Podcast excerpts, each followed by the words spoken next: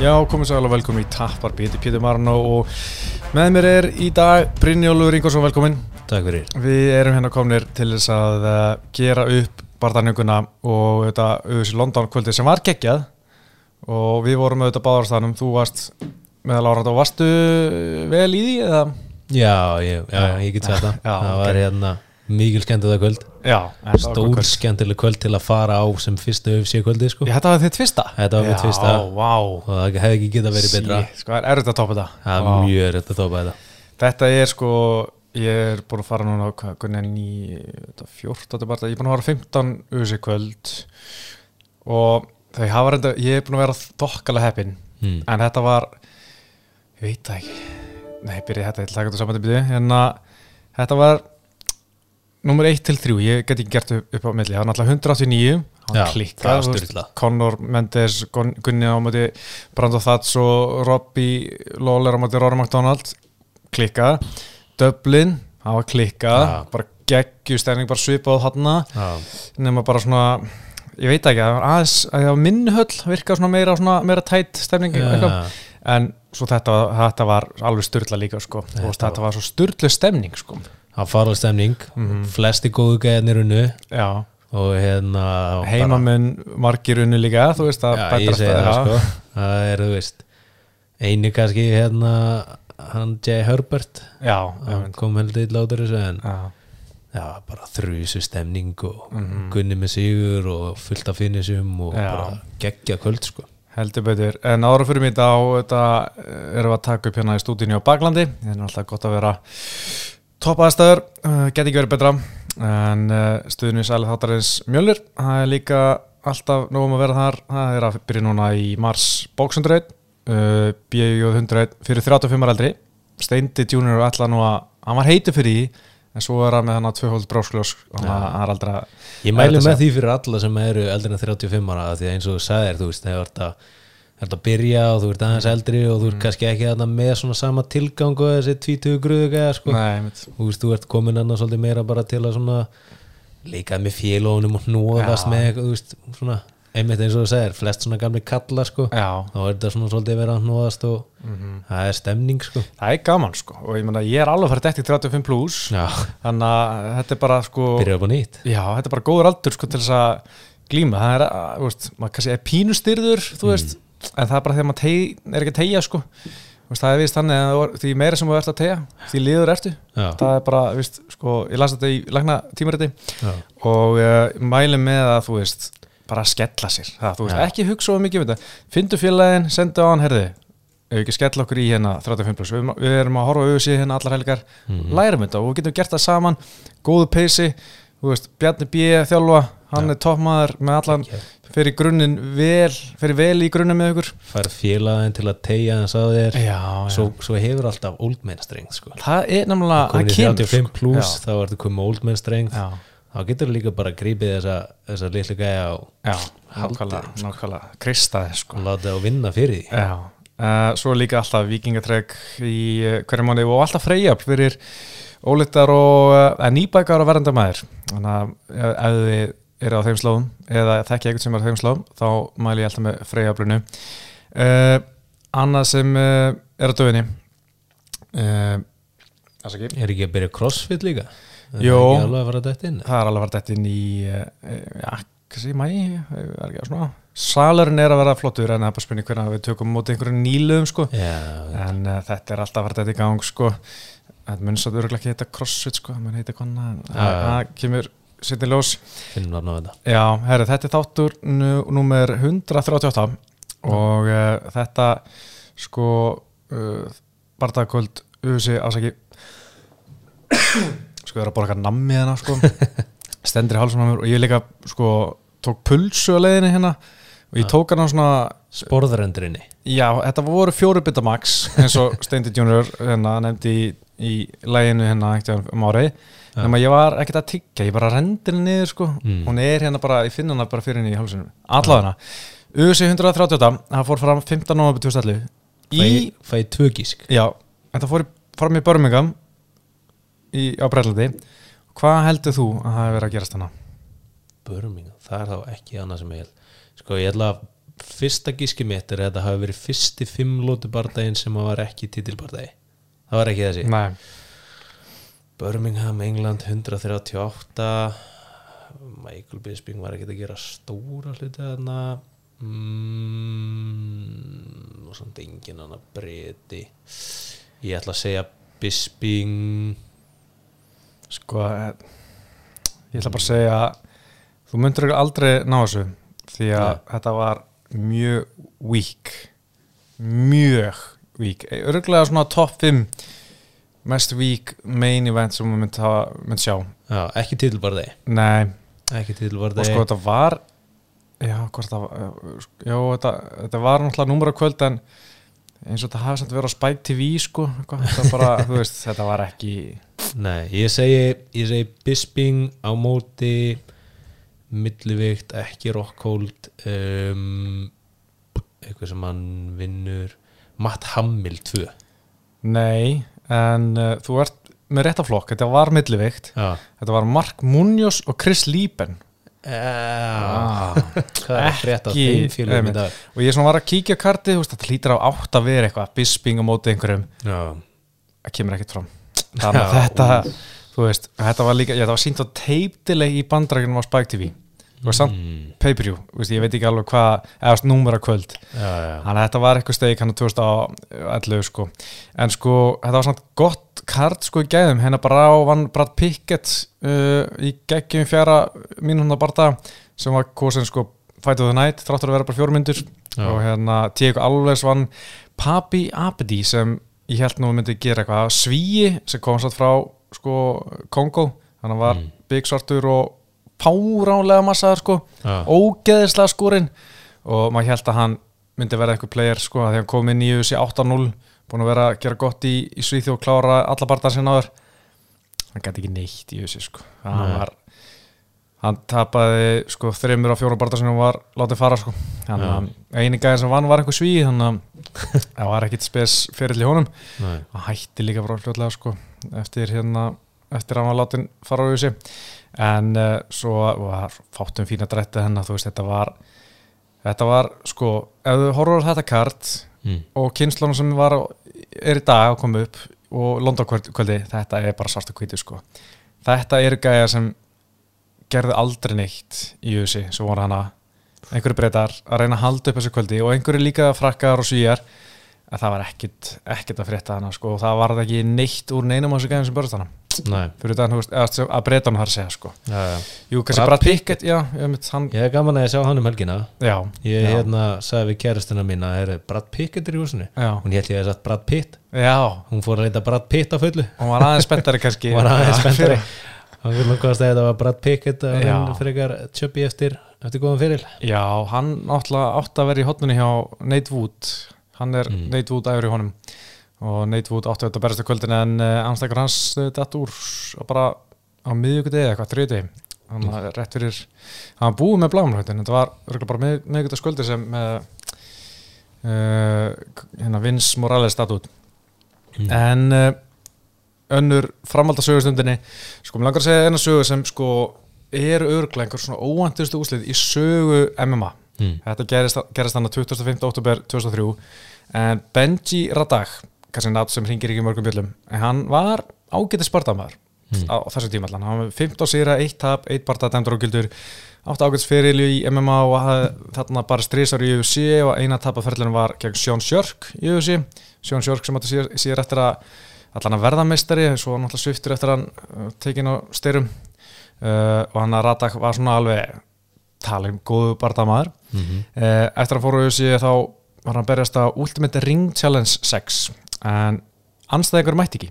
Þannig að hann bara leit út hann myndi ekki fá barða nema promóterinn hann sendi fram eitthvað kall í salum er einhver hérna sem er tilbúin að berjast hérna? Og þar kemur eitt gæi sem var hann æstur í að berjast við Radak. Nafni Dan Lafever eða Lafever. Hann hafði enga reynslu MMA en hann hafði einhverja reynslu úr svona að keppa tvo barða þar þannig að hann var til og hann æstur í að fá berjast, berjast við Radak þar sem Radak hafði verið að reyna við kærustu Lafever hann var svona herru, huglega þetta, takk ég hann og þú veist hann kemur veist, bara úr áraðarsalunum engi bjóstininu nema að Lafífir, hann rótaði Raddak eftir einhver 55 sekundur Jésús bara kom úr salunum og bara engi bjóst við þessu og þú veist, Raddak samt átti ekki slæman fyrir eftir þetta. Hann uh, barast í hérna, International Fight League og hérna, Strike Force og ára hann hætti í 2010 en, en þetta er svona, þú veist það var til eitthvað vídeo en þetta er svona öruglega óvantist úslit bara í sögu MMA sko. Það var náttúrulega kannski ekki stuðlar hann þetta frekar lítið kvöldekstar í einhverju pöppa hérna, einhverju pöppana í Breitlandi, nei, Bandarækjunum Það hefur einhver gæði verið út í sal að taka, taka pening sko. Já, Bjóða Já, já, já hann, ef einhver hefur veðja á þetta hann hefur röglega grætt. Á það sem veðja á Lafíbír Heyrðu, Gunni Sattó Já. Uh, hvernig svona hvernig leið þeirra meðan barðaðin var? Úst, þetta var náttúrulega fór þetta þrjá lótunar og, og svona gekk eila bara Gunni kemur algjörlega hvað sem var. Hann var samt með, verið með skráma á sér. Hann hvernig svona leið þér þegar þú varst út í sala horfóð Sko, mér fannst uh, Þú veist Maður náttúrulega pínustressað til að byrja með mm.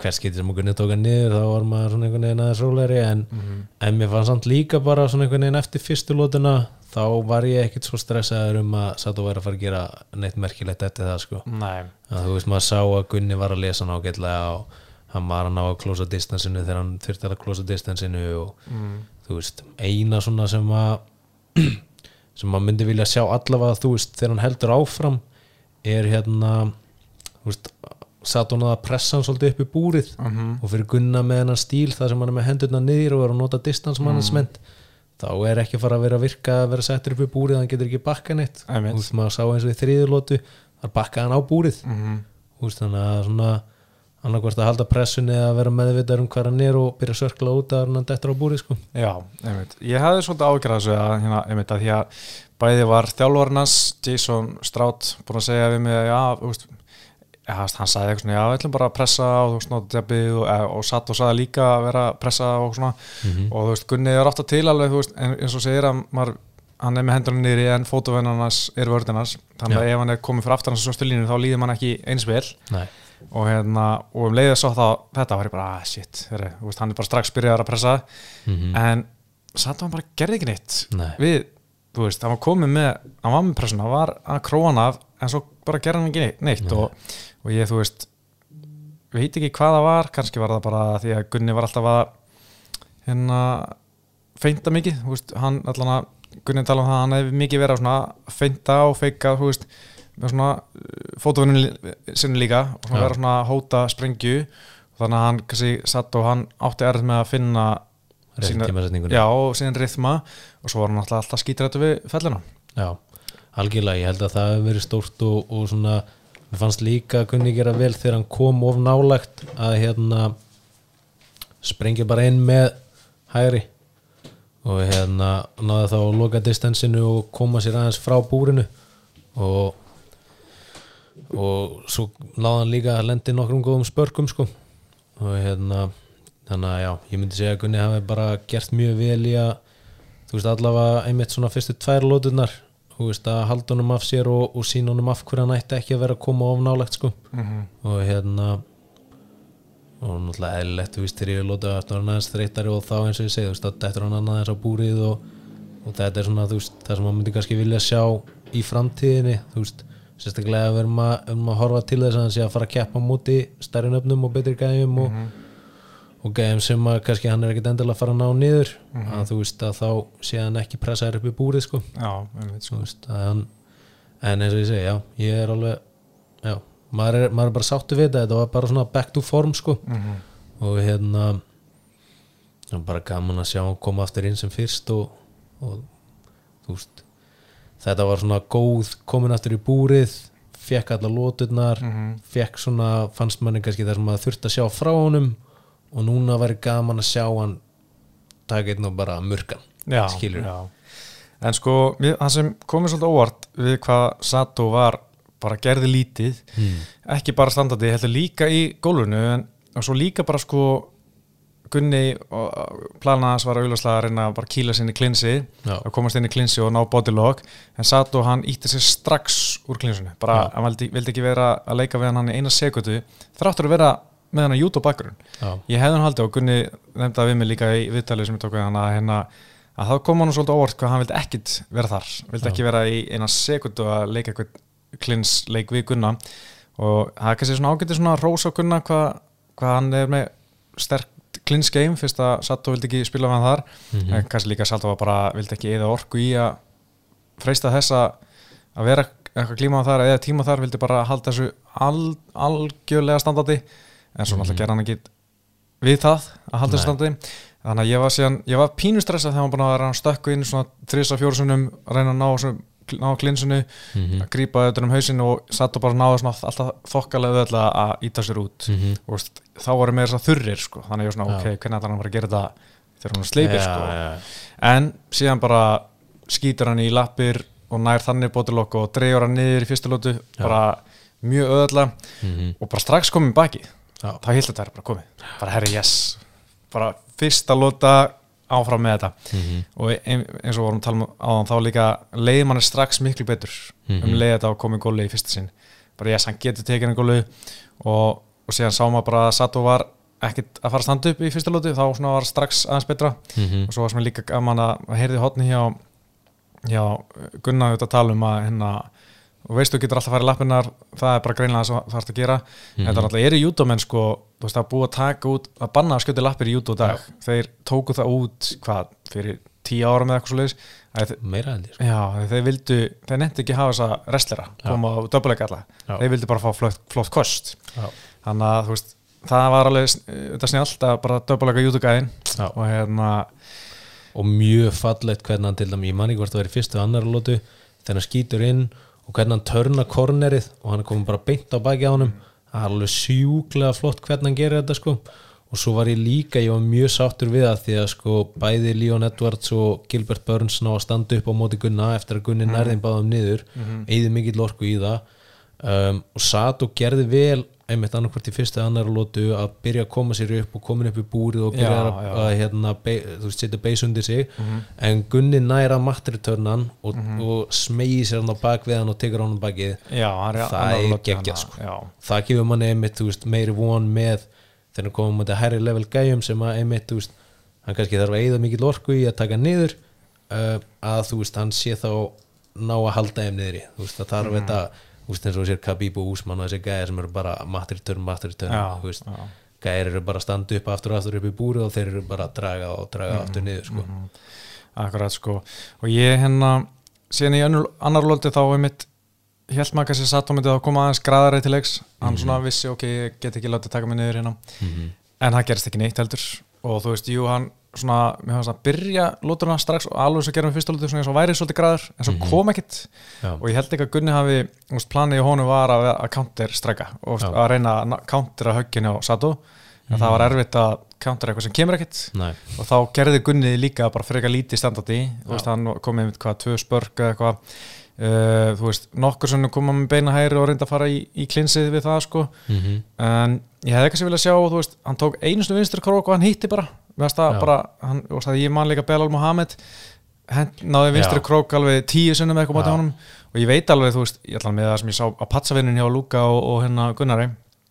Þá voru þeir að gera kombo sem enda með vinstri krók Já. þannig ég hefði svona búist við að hann hefði hent því fram en, en kannski var það byggt á öðru uh, úst, reaksjoni frá Sato. Já, uh, en hérna en mér fannst svona eins og Gunni hefði allir geta kannski gert aðeins meira standandi sjálfur en, en kannski allan að þetta bara að counterstræka og, og hérna og það bara gekk ágætlega því að hann úst, átengir högg og, og, gekk allt við eftir standandi uh, svo í þriðilóti þá nær hann teikta hann og þá fannst mér bara eins og Sato var bara að gefast upp. Já. það var teikta hann bara skýtur inn og með að Sato bara svona ekki einu sem spróla, hann bara lendir á njánum einhvern veginn, Gunni kemur strax á bæki Já.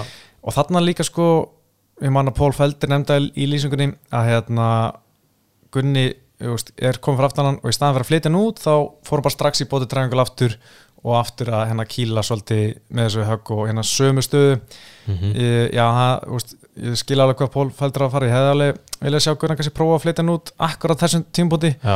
en síðan þegar hann kom með bótið triangle hann alltaf var, satt ekki að fara neitt Nei. en Gunni kannski var líka svolítið bara mikið að gera sama og satt og alltaf verjast Já. alveg eins sko sem að við verum að gefa hann kredit fyrir að hann gerði mjög vel Já. hann var þess mjög vel, hann hafði alltaf einmitt þannig að double wrist control þegar Gunni var, var að komast eitthvað áfram og hann, veist, hann vissi og það er einmitt sammála þessum punkti sko, að þú veist af því að hann veit að öll þessu högg eru bara trublun til þess að koma hendin undir hálsin þá einhvern veginn hunsaði hann það og var bara ríg hjælt í hendina á honum og hann vissi að hann, hann var ekkert að fara að klára nema að ná höndunum saman. Þannig að hérna hann bara, bara dauða grip í hendina á honum. Og það hefði maður einmitt viljað sjá Gunna aðeins bara buffan bara Já. svona, þú veist, þessi, þessi svona, þú veist, að þetta eru virka svona svolítið allavega eins og högg sem að, þú veist, eru meira svona distraction. Og Gunni hefur þannig power ég held að hann gæti bara þú veist, bara valið að taka góð nokkur og bara buffan og þú veist það myndi þá kannski gera þessi áhrif sem að hann er að leitast eftir að fá svona distractioni frá uh, högunni skilur og einmitt eins og þú segir bara prófa að rúla honum yfir byrja að berja hann. Ef hann snýr sér við og endar í mann þú veist þá ertu bara í mann skilur þú veist þá drunnið það hann sko. Gunni nefndi það líka, hún fannst hann eins og gæti ekki snúnu við. Uh, Ekki? Nei, eins og sko hann ætlaði að snúnu við þá hefði satt og vera En vita þá af því og ætla að gera eitthvað. Hann, mm. hann allan, hún fannst hann ekki geta nei, en ég veit svo mikið alveg á hvaða tímapunkti hann ætlaði að gera það. Nei. en ég man samt í þrjóðlötu þá fannst mér eins og Gunni ætlaði svona að nú bara prófa ég að negla. Mhm. og hérna ég fannst dómar að vera svona hann var að segja við satt og var að gera eitthvað var að hreyfa þig. En svo náttúrulega bara að byrja að satt og hreyfa sig eitthvað. Já, En en, mér fannst líka- þar fannst mér líka Gunni sko, eins og í lokin á þeirri þá er Gunni farin að alvöru hóta hérna tjókinu. Hann er komið með hann á huguna eða undir huguna og veist, eina sem vantar er ríningið tjókripi Mhm. og maður svona, veist, maður hugsaði skilur hefðan geta klára pón to pón hann er bestur skilur Mhm. Já, hann já. veit alveg hvernig Já. hann á að gera það en þú veist, það er einmitt fannst, þú veist, eins og þú segir, það eru komin alvöru þungkökk og, og þá finnst mann að opnunin hafa komið líka sko. Já, ég man einum, á einu tímabúti fannst mér þess að hann var komin undir huguna svo mm. rétt láði hann að tróða að satt og eitthvað þegar ég held að hvort Gunni hafa einmitt verið að skipta um grip akkurat þeim tímabúti eitthvað. Og þá svona rétt náðu hakan að poppa niður sko. En, hérna, en sko mér hafst bara satt og vera að gera eins og svona maður sér átt jútoka að gera þú veist, Já. þeir bara, þú veist, eða lendu undir þá bara setja galan upp einhvern veginn, þú veist, og bara er ógeðslega góður að verja hálsin Já. og geta bara leiðið þar, þú veist, Já. lengi sko. og hann hefur klálega bætt sig að því að við, við sjáum, þú veist, hann er búin að tapa er hann ekki búin að tapa tvísvar á rýningi tjók hann tapaði alltaf að hann á móti Bilal með rýningi tjók þar sem hann bara einmitt gafst upp bara hann reyndi ekki einu svona en þarna var hann klárlega hann vissi, hann vissi hvaða stöðu Gunni var að fara mm. inn í og hann vissi bara, veist, hann hefur tekið bara allar þessar tvær vikur í að vera bara að loka hugunni og setja huguna niður og byrja hérna að handfæta. Mhm. að því að hann gerði, eins og ég segi, þú veist, þegar maður gefa hann kredit þar, sko, þú veist, Gunni er world class, Mhm. hann er bara alveg einn af þeim allra best í heiminum að klára frá bakinu. Og, og hérna Sato gerir útrúlega vel að ná að verjast því, sko. Já, ég var samt fyrir vonbröðum með Sato að hérna í þriðlótu, mm. búin að skítapa fyrst tveimlótunum, mm. aldrei að fara að vinna þetta og, og tekið niður, áhver ekki bara go for broke, reyna, sprengju bara hoppa þér upp so what að hann takja hálsunar og tjóki þú ert samt hvort er að fara að taka tapa, en kannski er bara japanska stoltið, þú veist, ok, ég var ekki klárar að hérna láta ekki klára mig. Já, og í stað þess að reyna allan að bara spassa sig út úr þessu eða eitthvað sko, í hérna, og, og komist úr út en það er bara, þú veist það er bara hans uh, hvað sem var, hérna, hann, hann verður bara að lifa með því. Já, en uh, mér fannst líka satt á svona uh, náttúrulega, einmitt spurning hvort hann hafi eitt bara öllu kampunu í að verja hálsin og ekki gert a- neitt annað, haft það mikla ráðgjur af þessu. Já, þú veist eins og sko maður oft heilt talað um að hérna eins og Líðan Edvards var hann bara að tala um sko við okkur um daginn hérna hann var mikið að spjallaði okkur í aðrændabarðans að hann spjallaði Gunnar, ég satt bara að hlusta mér bara geggja að hlusta á tvo fyrir mér alltaf að vera að spjalla saman, allan hérna uh, hann var að tala um þegar hann mætti nei hérna Kamur Úsmann fyrst þá fór hann Já. til AKA æfa og hann æði svo ógæslega mikið hérna wrestlingi, eða fellivörnuna já, hann eiginlega bara glemt að gera sitt já, hann var svo mikið að fókusa á að vera ekki tekið niður Já. hann var ekki að gera sitt í kampinu Nei. og fannst það bara ekki vera veist, nógu góður þar sem hann er góður Mhm. í barðarum þannig að þetta er svona kannski Er ekki sama á Conor sagði eftir Khabib? Jú, já að hérna, mennir eru svona ómikið að einblina á það sem hinn ætlar að gera í að á hvað, hvað hann ætlar að gera Já. kannski ég satt og hefði bara verið bara að einblina á að verja hálsin af Já. þessar stöðu því að náttúrulega vissi að hérna Gunni er góður í þessa stöðu en ég meina við hefum áður góður að komast í þessa stuðu já, ég held þú veist að Sato hafi vita bara að hann myndi á einhverjum tímapunkti enda þarna Mhm. Já, ég held að það geti alveg verið rétt sko. ég, þú veist, mér fannst hann gera ágætlega einmitt í byrjunum á fyrstu lóti og hann er hann góðu sparki. Mm, uh, og einhverjum högum, þú veist, það, það er eini tíminn sem var svona eitthvað svona smá stress í manni sko, en Já. svo, þú veist, svaraði Gunni með sínu eigin sparki og maður svona fann að, þú veist, þetta var Gunni var allavega jafngóður ef ekki betri standandi sko, Mhm, þú veist, líklega finnst manni bara að vera betri standandi, þannig að þá hætti maður einhvern veginn að já, þá hætti líka, einmitt eins og þú segir, þá hætti Sato bara að gera nokkuð skapaðan hlut. Já og ég líka hotni sagði við hann fyrir, eh, fyrir við satt á sig uh, fyrir þrjulótina, þú verður að klára hann þú verður að róta hann, bara, bara hendi frá spörkuninu, bara hver er spörkin, þú verður að gera eitthvað voru á svona þýlita peppan, hann kemur astur út, svo bara strax fyrir hann í sama, þú veist, hann náði ekki að hann hendi í valla fram einu höggi þú veist, samt með peppi sitt og hérna allir að öskra á hann áfram að bara go, go, go, go, þú veist, hann núna aldrei kom ekki neitt samt, sko. Nei, En það getur líka verið að hann var veist, hann var líka reyðgæður kannski að, veist, hann hefur Já. ekki bara síðan í november 2020 hann að kannski satt það í honum veist, ekki að maður sé komið einhver afsökum fyrir hann en þú veist, maður er bara svona reyna að velta fyrir sig af hverju hann gerði ekki meira því hann hefur oft hinnubartanum, hann verður aldrei verið svona hikandi. Hann, hann har alltaf verið frekar aggressíður og, og hendi mikið fram uh, 1-2 skilur og enda með hann beinum vinstri. hann, hún bara beinum vinstri og sást alltaf sko. Nei, ég held, þú veist, þú sér líka sko kannski, það getur verið eitthvað með, þú veist, þú horfir á ég voru að horfa á uh, held ég Leon Edwards bardagan fyrir uh, þennan bardaga og hérna Gunni var alveg slatta að notfæra sér beinu vinstri frá Leon til þess að koma sér inn í klinsið. Þú veist, það var bara svona að divertana og koma sér inn í klinsið út frá því og eins og þú segir þá var hann skýt logandi hrættur við klinsið frá Gunna. Þannig að hérna, það geti verið að hann hafi verið bara hrættur um að ef hann myndi flega einhverju að hann myndi bara vera komin í klinsið og vera þar sem hann vill ekki vera og, og já, Já, en sko satt og ég heyrði nú einhverju einhver halda fram að hann verður bara köttur eftir þetta, eftir þetta, þetta var svo mikið lítið, eða svona þetta var mikið hann gerði ekki neitt, þá verður hann látið fara en ég held ekki að því hann fekk nýjan samning núna í byrjun ás, það fyrsti bar, bardaginn á nýjan samning í honum, já, en uh, hann er samt ekki í sérstaklega góður stöðu, tveir sigur og þrjú töp og báður sigurinn er á móti nýliðum held ég sem held ég nú ekki lengur í þannig að hann þarf að fara að uh, næla sér í sigra, hann taka sér Sato. Og ég held að Sato, hann verður fljótt komin aftur í að, í að berjast sko ja, hann náttúrulega annars er um að Ben Sounder sem er náttúrulega ekki lengur að berjast held ég allan hættur en hann náttúrulega átti ágætis fyrir svo sem er. en hérna sko, mig gunna, ég verð nú að segja sko, alltaf fyrir hvert, ein, hvert einasta barndagurna það var alltaf að tala um að aldrei verið betri, veist, kampið var frábært alltaf, en núna þú veist eftir á getur maður alveg sagt að hann, ég held að hann hafi ángriðs aldrei verið betri í mm. aðranda barða því að sko, hann var 100% heill og hann eh, sko, mér fannst hann æfa mjög vel og mér fannst ég svona sjá ákveðin neista í honum bara á æfingum og líka bara svona aðranda barðans Mhm. en svo hann var virkilega spenntur að berjast auðvitað hann alltaf spenntur að berjast þetta er aðrunum hans og þú veist, það sem hann er búin að stefna þú veist, lengi og er að upplega liða eða en mér fannst svona, ég veit ekki hvort það var bara fjárveran eða hvort það hann var hungrarinn á sig sigur eftir tötubröð en mér fannst ég sjá okkur svona aðeins meira neista hjá honum en, en kannski síðustu ár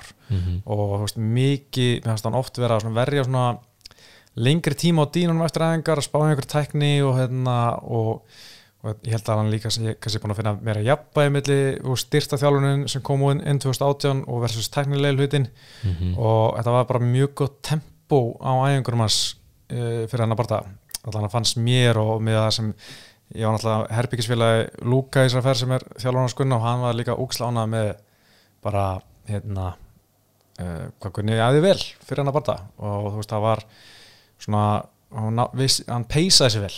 Mhm. hann var hérna veist, hann hefur kannski einhvern tíma tekið fleiri æfingar eða aðranda barða, þú veist, hann er 25 ára eða eitthvað skilur já, já, en þú veist, en hann var að taka mjög jafn tempo þú veist, tvær, þrjár æfingar að dag oft og hérna og svona góður fókus á teknilega hlutan og líka svona sprengi æfingar inn á milli og sparriði þetta líka en það sem kannski er alltaf erfitt og var alltaf að vita mála er erfitt í, í svona low-covid allan, það var æfingafélagar og veist, hann þarf held ég alltaf bara fleiri reynda gæja alltaf að fara á móti og, og sparra sko. Mhm. þú veist, það voru einhverjir átt að koma fleiri gæjar en veist, það kom eitthvað alls konar upp hjá þeim þú veist, einn gæji sko ég ætla hann ekki að segja hver að vera hann ég, hérna, að ég er ekki alveg viss hver það er eða sko, hérna, ég ætla ekki að henda nafnum hans undir rútuna hérna, en hann sko átti að koma en hann mátti ekki yfirgeða landið að hann var með eitthvað hraðasett á sér sem var mjög há og þú veist, þetta var, hann er einhverstaðar í Austur-Európa, skilur þannig að, þú veist, það var eitthvað, kom eitthvað svona upp og hérna, og svo var einhver gæði sem alltaf að koma en hann mittist og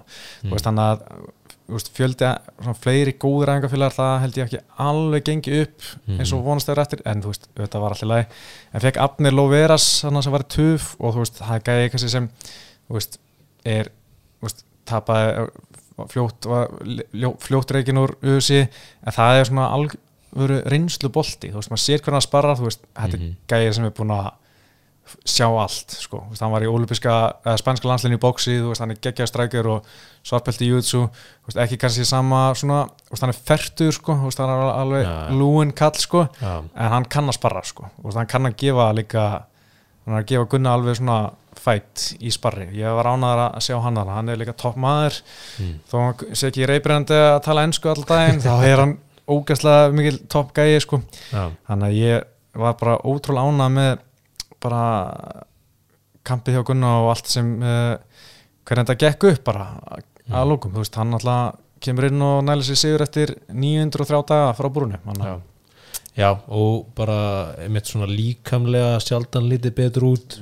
Hann var bara ótrúlega einmitt svona köttakars í köttar að maður hefur síðan áður. Já, og hérna, og eins og ég segi þetta var, þetta var rosa bara svona mikilvægur back to form sigur, þú veist sýnir að hann er ennþá sami gunni og hérna þú veist, sami gunni og, og þú veist, var að split decision að gæða sem að er að bæra sem titil já, veist, mhm.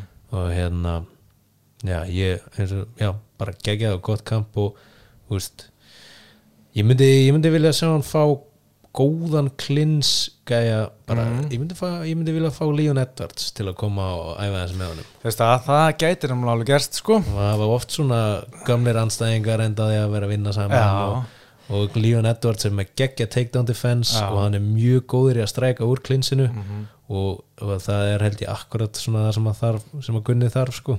Og kannski einhvern sem að pressa hann upp í búrið þannig að hann veist, þurfa hérna þurfi svolítið fótavinnu dótið sko. Já, algjörlega. Það var að því að sko Gunni og Líðan spjöldlega nokkur saman nokkur saman vel og hann var mikið að spjalla við okkur og bara topp gæi en Líðan sko og líka nú bara að henda sér fram hann.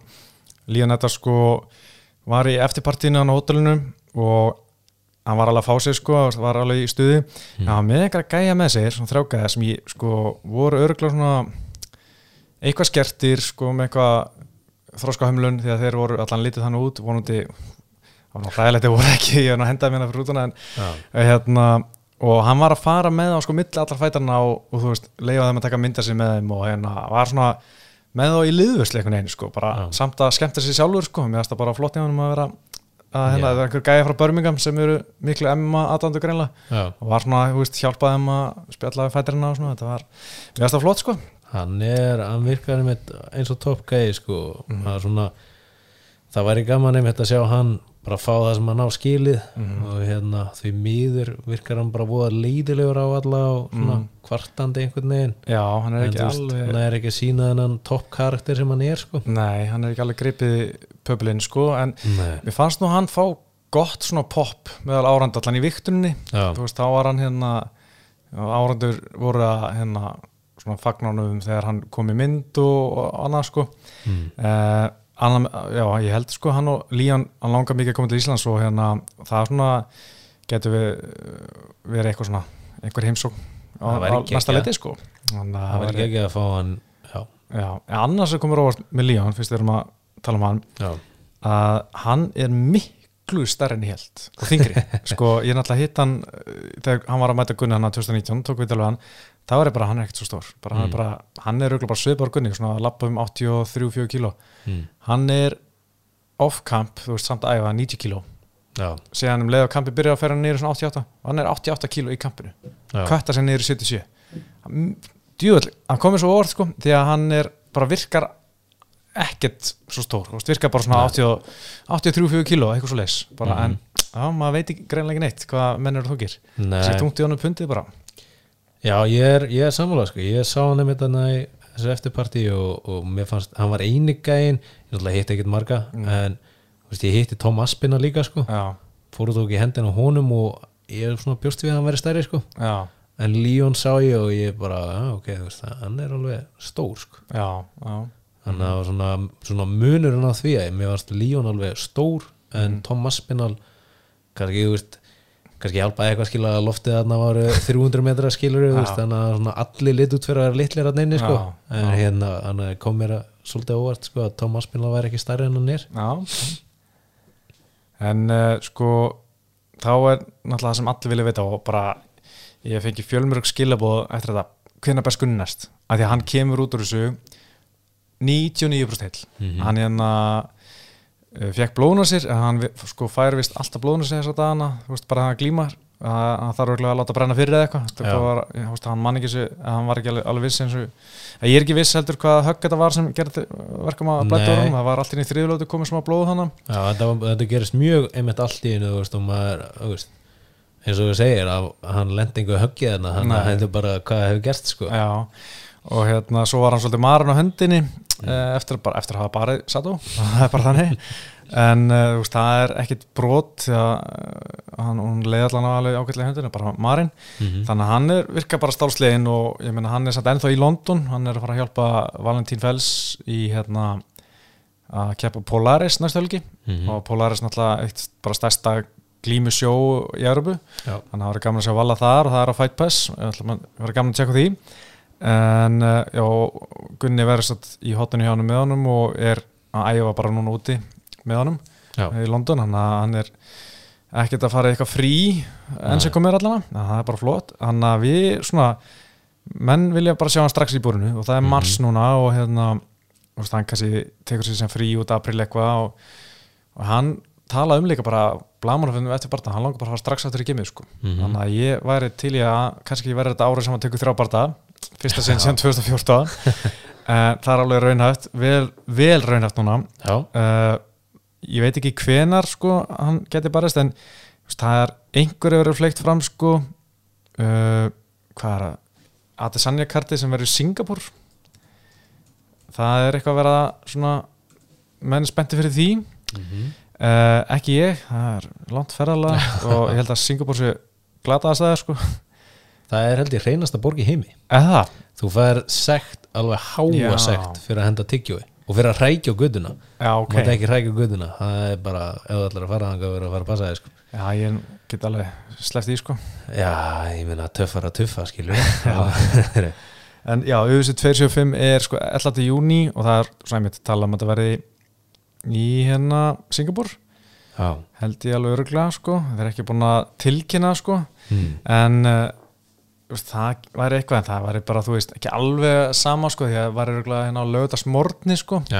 Þú veist Íslandikar er ekki alveg var ekki búin að kveikja sko. Þeir, þú veist, það myndi sama hversu oft maður myndi skrifa þetta og koma þetta fram þá myndi einhverju vera vakna í hátegi bara byrja gunni búinn? Já, er það bara já. búið? Þannig að ég reyni því ekki sko. Nei, og ég, veist, ég bara, já ég uh, en það er náttúrulega bara kannski spurning bara hvenar auðsi fer aftur til Európu því að Já. Dana White sagði að þú veist, þeir voru ekki með á dagskrána að fara aftur til London þessu ári en nei. fundið eftir þetta að þetta var bara ok, við verðum að koma aftur hérna Já. að þetta var bara, auðvitað bílu stemning það Já. var geggjaður viðbyrjur og það er e, bara spurning hvort að þú veist, auðvitað vilja býða eftir því býða bara eftir næsta Euroshowi og, og fá hann þar já, það geti alveg verið gaman sko. Þetta verður síð sumar eða eitthvað. Já, einmitt, ágúst sko. sko. já, ég held að það verið helviti gott sko. annars væri ég ógíslega til í að hann taki Vegas í september. Já, ég hugsa um að fara á þetta í CC þá sko. já, já, já, hann tæki, þú veist, ef við vorum með sjó á ATCC helginni og hann getur mætt á ATCC, gamma legend skilur já, það var nett, svona alltaf, þú veist, ef að komast einhverjir frá okkur sko, já, já, einmitt, það er þá trials væntanlega núna. verður hann annað sko hvað European Trials í maður, erst þú ekki að fara á það? jú, ég er stefnum að fara að kepa Já, gekkja Erðu, en uh, sko, það bara kemur í ljós hvenar hann best, en vonandi líður ekki lengur, en þá er bara spurning hver og Mhm. svo sem ég langar að sjá nummer eitt og við höfum kannski áður að tala um þetta, það er Kevin Holland já, gott nafn, hann Já. er með hæp núna, það Já. er áhjá hann er, þú veist, duglur á Instagram hann var, hann var að hérna, stoppa einhverja hann skotar á þessum daginn Já. og þú veist og duglur að berjast er mikið umræðinu Mhm. ný komið niður í veldivitt Mhm. þarf að byggja upp namnið sér þar. Mhm. Gunni var í gott nátt fyrir hann líka. Mhm. en hann er stór en hann hefur líka oft verið tekið niður. Já, hann, að, mér hann er oft ekki niður. ágætlega á að Gunni geti tekið niður. Já, hann er, hann er ekki nýgræðingur í gólfinu. Maður þannig alltaf að þú veist, hann vill lengi lendi í Jack Ray situation aftur sko. Nei, og hérna hann getur verið alveg öflugur á bakinu og voru ekki að tala um að hann, býður mönnum í gimmi til sín til að hérna tappa út þannig að hann er og, en samt, eins og við segir sko hann er líka svartpelt í júðsu sko Hann er. Gleimið það sko, oft sko. Þannig að hérna, það verður ekki það má ekki vannmeta hann heldur sko, en, en ég er alveg sammála, ég held að það væri skemmtilegu fætt Mhm. Og Kevin Holland talaði um að hann vilji keppa oft og Já. Gunni núna að segja að hann vilji keppa oft og það er bara að leiða þá að hesta saman sko. og ég er alveg sammála, þú veist, nafn með hæp sko, það, veist, það er það sem að hefur svo mikið vilja sjá alltaf þú veist, Gunna, Já. þú veist, að einhvern veginn dett úr nöfnin, Diego Alves dettur Já, út, skilur já. þú veist, það er svona þessi þessi alvöru gömlu legend sem að veit að Gunni var að fara að vinna skilur Mhm. voru einhvern veginn alltaf að detta út sko veist, þannig að einmitt mjög svona winnable erfiðu bardagi Mhm. en winnable fyrir hann og, og hérna og góður svona vil ekki segja stepping stone en svona skrefi rétt átt sko. Algjörlega. Já, líka svona ólátabelgur, hann er ekki fara að vera híkandi eins og Sato, hann er fara Nei. hjólinn já, og sparka mikið í hérna kálvan og gunna og svona. Já, og hann er náttúrulega hann er með fáralega langan faðm. Mhm. og hérna erfitt að veist, erfitt að komast að hann góð beinhögg, Já. það er kraftur í honum. Mhm. þannig að það er algjörlega hættulegu bardagi sko. Já, mhm, en á sama tíma er mitt mjög langur og svona gengli. Hann er með háan þingdapunkt þannig að hérna, aldrei auðvelt fyrir hann að stoppa takedown inn og, Mhm. og Gunni er með svona skoti eins og hann tók á mútið satt og sér maður fyrir sér hann taki Kevin Holland niður sko. Já, nefnilega sko. Ég nefnilega var svo ánægður að sjá bara gamla góðu döbbaliki sko. Já, það var bara, bara keira í lappinar og taka niður og þú veist, ekki þetta klins upp við veggin hérna sem tekur langa tíma og miklu orku sko, bara Mhm. taka niður klínin. Kannski að vera erfiðar að móti öðrum gæðum heldur en satt það Já. átt að koma ljós en hérna, annar gæði sem ég er veist, alltaf til í en er alltaf hrættu við, en ég held að sé mjög ólöglegt, Robby Lawler. Gott nafn, en ég held að Robby Lawler nenni þess ekki, ég held að hann vilji bara berjast einhverja strækjara sko, já. ég held að hann sé bara að fara er hann þú ekki líka bara komin í legend líka jú, hann er svona hann er ekki bara Nick Diaz og Jú. eitthvað svona legend líka hann getur barist við, æ, ég veit ekki Jorge nenni kannski ekki barist við hann en Nei, það væri alveg svona skemmtilegt sko. Já, þetta, einmitt, hann er bara einhverju, sko. þannig stílum sko. Já. en svo er hann að gæði sem heit, mér oft langað sér gunna fara á móti því að mér veist hann aldrei það spes en hann er samt uh, segur, Alex Morono 31 og spandrækjumæður búin að vera í UFC síðan 2016 ekki farið mikið fyrir hann. Hann er búin að vinna þrjáröð Donald Cerrone, David Savata og Mickey Gól, kannski ekki hátt skrifaði gæjar, Mm. en hann er hvort það sé ekki komin í 15. sæti í rankings. Ok, en hann að er að hefur verið þar, er, er að skrýða þangað sko. nei hann er það ekki lengur sorry, hann, hann Shakvat Rahmon tók sæta hans þannig að hann slátar á sínunga á dögunum, þannig að ég er til í sko Alex Morono hann er alveg, úst, ekki með hæp en samt að þryggja bara þetta sigugöngu það er þetta, það er bara fínt og búin að vinna sko uh, sjö á sístu nýju bardagum sinum þannig að ég er alveg til í eina tapja á móti Antoni Petters og að það er svona ekkit ekkit það slæmt. Um, svo var ég til í Jake Matthews Ástralin þetta er svona, hann gæði hann 8-3 eða eitthvað í þessi gæði sem er búin að vera svona kom ungur inn í þessi búin að vinna marga barta með góður sko gott submission game, veist, 7 sér eftir submission uh, sama síðast tappa fyrir Sean Brady uh, í mars í fyrra. Veist, en annars var hann búin að vinna þrjá þar á undan hann, hann svona er alveg uh, búin að vera í UFC í góðan tíma þráttur að vera bara 27 ára gamall. Uh, Nico Price The Price is Right. Veist, það er alltaf getur verið svona lúmst erfiðt og trikki Já. Hættulega gæði en samt alveg þokkulega þektur uh, hann að Saleski dos Santos. Hann Já. er þú veist átt að sýra þrjú töpjus eða eitthvað, búin að vera lengi. Svo er Daniel Rodríguez hann er 6-1 í þessi það er hættileg bardagi en uh, þú veist, ekki þekktu gæi en hann er svona á leiðinu upp en finnst mér vera svona veist, hann er strækjar sko. Veist, mér finnst það að vera svona típisku gæi sem Gunni bara tekur niður. En, en sá mann alltaf Kevin Lee tapaði fyrir hann síðast og ná, hann náði ekki mikið að taka niður eða klára hann Nei. í gólunni eitthvað þannig. Að en okkar maður hérna ég er að blanka á nafninu Hávaksinn sem hann tapaði á móti Ponsa. Hérna held ég bara eftir Gunna. Jeff Neal? Nei, Nei. Uh, sem að Jeff Neal sigraður hann hérna hvað mjög- Magni Neil Magni, já, Já. þar kom það. Já, hann var alltaf til þess að Neil Magni sko. hann er með barða núna allan held ég. Já, ok. Hann er að fara um átti Max Griffin bara, já, um helgina alveg, það er um helgina. ok. þannig að kannski, já. Það Er, er, er Neil Magni rankaður eða? e, Já, hann er nummer nýjum Já, kannski, kannski ekki alveg tilbúin að hleypa honum í hann strax. Nei, ég held að Neil verði alltaf bara aðeins á tilbaka með það veist, svo er ég alltaf til að sjá Gunnar fara um átti Lýsinglegang, hann er kýmverinn hann er nummer 13, Mhm. þú veist, það er svona mér finnst það að vera svona pínu kannski ekki öruggu sigur en fínt tækifæri fyrir, Gunnar til að komast aftur á top 15 já, en sko, mögulega Gunnar að komast á top 15 þeir koma bara þegar hann vinnur nokkra í röð. Já, og ég hugsa að hann fá ekki top 15 gæða næst en Nei. hann fá eitt svona eins og Jake Matthews eða eitthvað þannig svo fá hann top 15 gæða já, ég hugsa, þú veist, ef hann vinnur þar að segja Það Jake er líka alveg rétt sko. Það er líka svona kannski það sem maður vil sjá bara fá smá, fá smá sigugöngu, fá smá lest í gang og, hérna fá, já, hæp treyni sko. Já, lestin er að fara keyra af stað, sko. Já, heldur betur. Þannig að hoppið á vagnin já, nákvæmlega. Og, hérna, og þetta var bara gott fyrir Gunnar að ná þessu sigri og við viljum sjá hann bara þrísvar eða tvísvar viðbútt á þessu ári Það var ekki ekki Herði, förum að sýta karti, þetta var veikt, þetta var lasikart Já. uh, það var ógæslega gaman að vera hana og ógæslega gaman líka að lýsa sig á Viaplay, það var bara klikka gaman. Uh, Tom Aspinall rústaði Alexander Volkov með svona straight arbar já, í halvgert sem maður sé bara ekki. Nei, maður sér þetta ekki.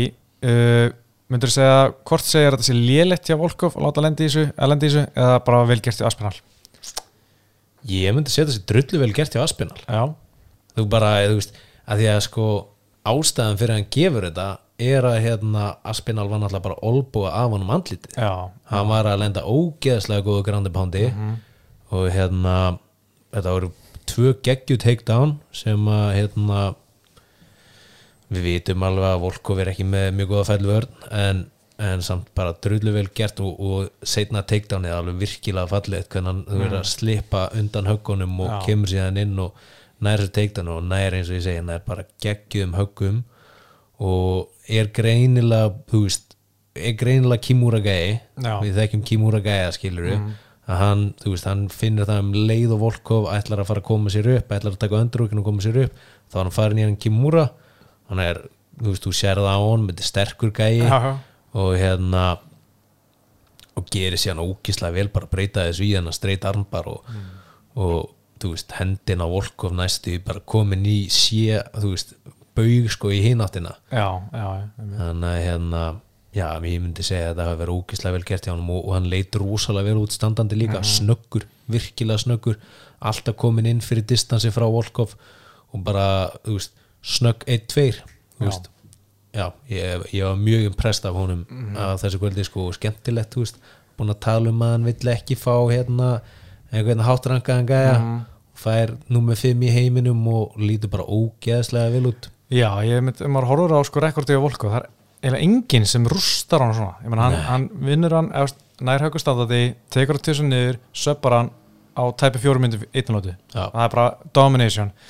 Veist, Cyril Gane, hann þurfti fimm lótur já, var mjög einhlega en ekkert sérstaklega skemmtilegt. Curtis Blades, hann þurfti fimm lótur og hann var með þess að tæpur á að láta klára sig í lokin, ef maður rétt þar. Mm. veist, Derek Lewis auðvitað rótar hann þegar tíu sekundur eftir að hann var að skítapa fram á því, veist, þannig að veist, það er eiginlega enginn sem hefur bara snýtt Volkov eins og Aspinall gerði. Nei. þannig að maður sko, þeir sem eru á Volkov-listinni nei, Aspinall-listinni með að vera virkilega spenntir að sjá var, þetta var 28 ára tjalla á leiðin upp sko var fullt af eldsneiti á þennan vagn Já. sko. það er alveg hérna, og örgulega fullt af fólki að bætast við á þessa lest sko. já, já, já, eins og ég segi þú veist, maður, þú veist, hann virtist vera skinsamur með hann vildi byggja sér hægt upp Mhm. og veit greinilega heavyweight er aðeins, þú hefur lengri tíma í heavyweight heldur mm. neður um þingdaflokkum og hérna en svo bara kemur hann hann og gerir bara ekki bara það sem þarf að gera heldur bara miklu meira til sko og, Já. og náttúrulega þú veist, bara það ekki að rifna af húsinu sko. Einmitt, sko. Það verður spennandi að sjá hvað hann fara næst því hann alltaf vildi fá Taitu Vasa það var bara gegja ég held að allir til í það Já. Uh, ég held að hann vinni það bara. Ég held að hann bara Já. taki Tui Vasa niður og söpbi hann. Já. Tui Vasa hún finnst ekki gaman að glíma maður veit það. Hann- annað sem hann finnst skemmtilegra. Túi Vasa er svolítið svona sveiflugæði sko, Já. hann vil bara sveifla leðri og Aspinall er snöggur og beintinn sko, Já. beinu högin uh, gorgeous, Já. ég held ég er alveg sammálaðir, ég held veist, það er alltaf hættulegu bara það eitt, Túi Vasa er alltaf power sko, en, en ég er alveg sammálaðir hann ætti að taka þetta. Já, 5-0, allt finnis það lítur bara hrikalega vel út. Uh, svo náttúrulega sko Arnold, Arnold Allen og Dan Hooker þetta var algjör slökar ég sko held fyrirfram að þetta er eitt svona besti barða kvöldsins upp á svona að vera tæknilegur og flottur. Æ, Dan Hooker bara í átök á fyrstu mínútinni mm. og var einhvern veginn alltaf næstu í rótar og þá til dómarinn bara bjarga hann sko. Já, að ég vona bara að Arnold Allen sko, hann talaði um það hjá Ariel Helvani í gæri eða eitthvað að hérna, það var nú komið tíma á að myndi taka tvo part ári. Það hann hefur ekki tekið tvo part ári sko síðan 2019 þannig að hann þarf að fara að berjast meira og oftar sko, að því hann Já. gleymist alltaf. Maður gleymur hann bara, að því hann sérstaklega bara að vinna mikið á decision, já, núna tekur hann bara TKO mótið stærsta nafninu sínu, eða svona hæ- hæstranka gæðan á meðan hann mætir honum allana og klára hann í fyrstu lótu og var bara geggjær og ég held að hann hérna vona að fá bara Calvin Kattar í, Já. einmitt, ágúst eða eitthvað. Það væri rosalegu bara fyrir hann. Já, það væri mjög skemmtilegt og, og það var einmitt þetta var svona svipa dynamic fannst mér og í meini vendinu hann, var, hann var bara miklu snegri heldur en Dan Hooker. Mm. og, og sama, þú veist, hann var bara að koma inn bara með einfaldan 1-2 Já. svo reynda er hann búin að vanka þá sveiflaði hann bara eins og hann væri viltur sko. Já, en hérna með, með mjög fallið líka svona hérna já, og var að gera bara flotta hluti og þú veist, maður má kannski aðeins deila um þetta hérna stoppits en, en þú veist, þetta var öruglega að koma hvort sem er sko já, sko mér fannst uh, eins og Adesanya hann mótmálti þessu stoppetsi en Dan, nei, Arnold Allen kom með góð rauk að það er alltaf besta svona merki um þegar uh, hvort anstæðingur mótmáli ekki.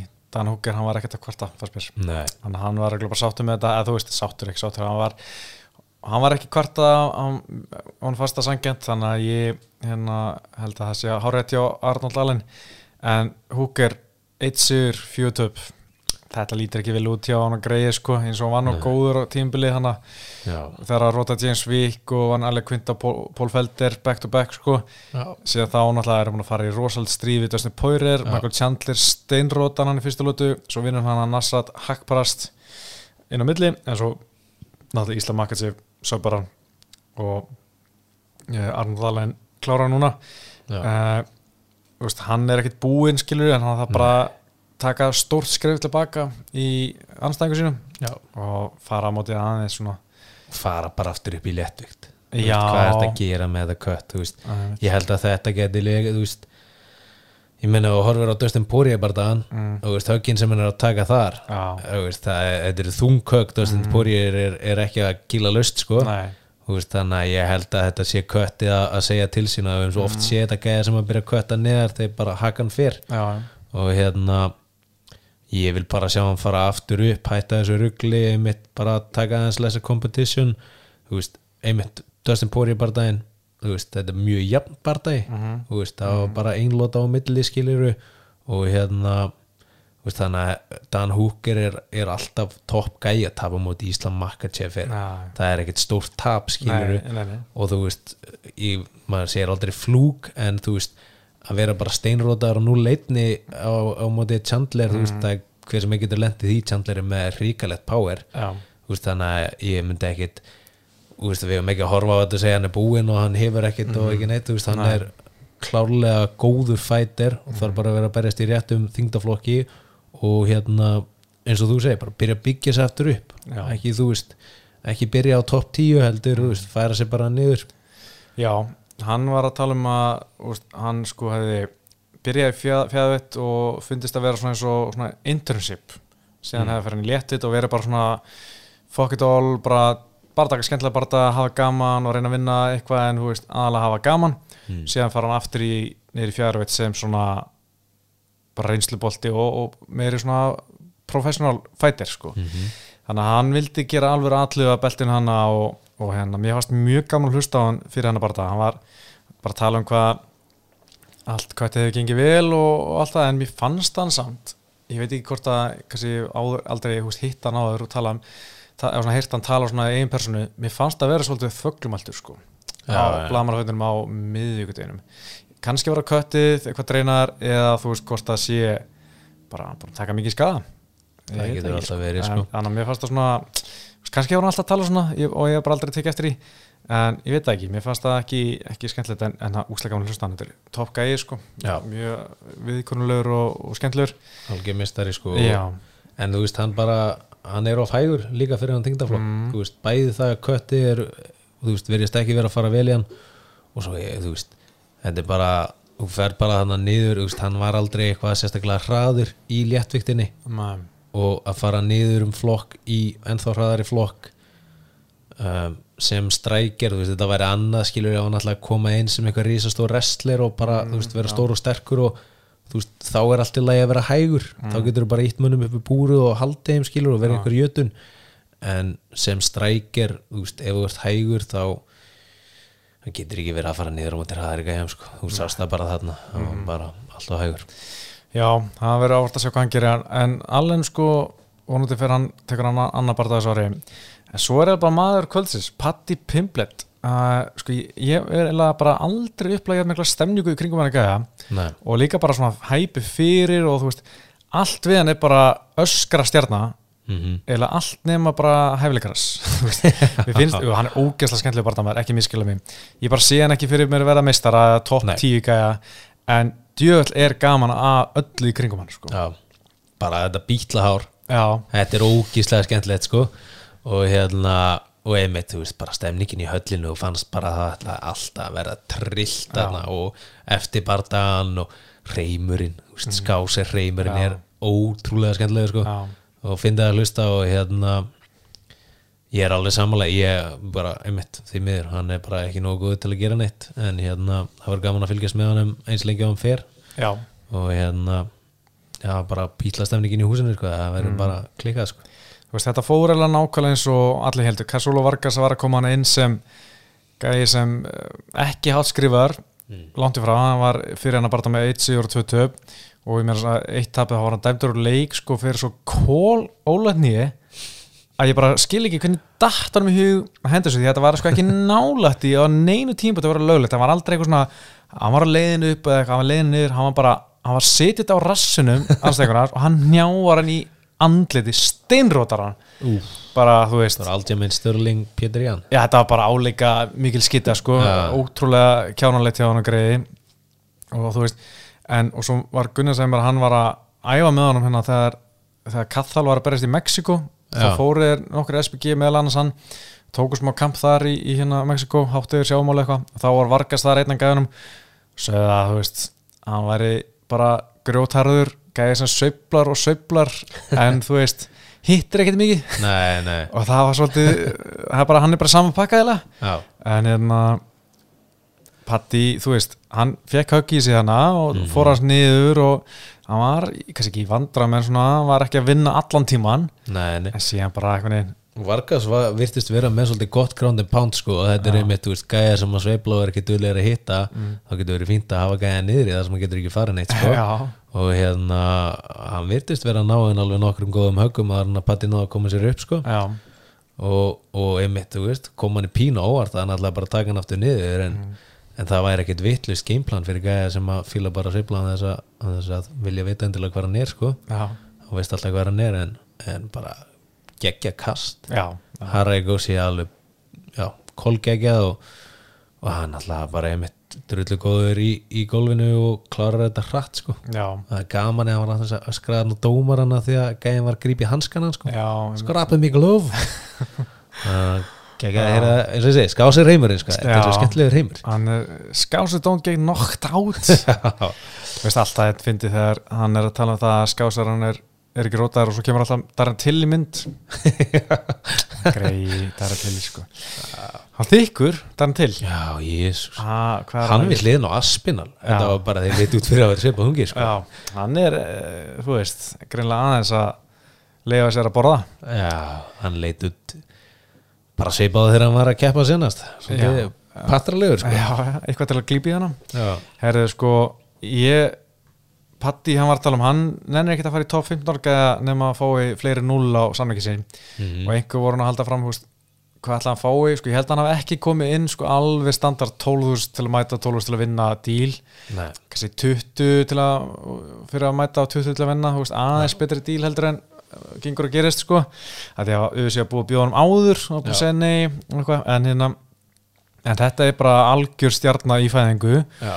verður ótrúlega gaman að fylgjast með en ég velti fyrir mér hversu lengi ég sé að ætlar að, þú veist, verið þessu að gefa hann bara svona sjónamáli með aðferðina sko, hennar meðferðina. En sem gæti alveg verið bara fínt þangað til hann hérna Patti fær nýja samning og vill á að fara í top 15 gæða en hérna og ég er bara sniðut fyrir hann eins og við erum að segja hann er ekki það góður það var bara flott fyrir hann að halda fyrir að byggja sig upp á móti. Mm. liðlegum gæðum og segja sem bara að ég nennis ekki nefn að borga mér pening já, já. þú veist það er bara mjög sniðut en, en uh, út frá þessu, maður spyrja þig hérna, veistu með Gunna að Gunni var líka búin að segja nei við á fyrst hann hérna veistu hvort að hann hafi farið inn á einhverjum svona byrjandasamning ég held að það bara verið frekar svona ekki að segja aðeins betra, já, hann var aðeins betra held ég. Já, já, ekki það var náttúrulega smá nafna til sé sé já, allt já, þetta dót já, sko. já, já, einmitt, sko. ég held að hann hef ekki einmitt, aðeins svona samlingsbónum með tvö betri en nummer eitt. Já, já, ég held að það veri eitthvað þannig. En uh, sko Patti bara, já ég hlakka til að sjá hann sem fyrst og þú veist, ég gæti alveg trú á hann að selja veist, uppselt, hann var í main event og uppselt á Anfield sko. Það virkar bara það mikil stemning í kringum hann.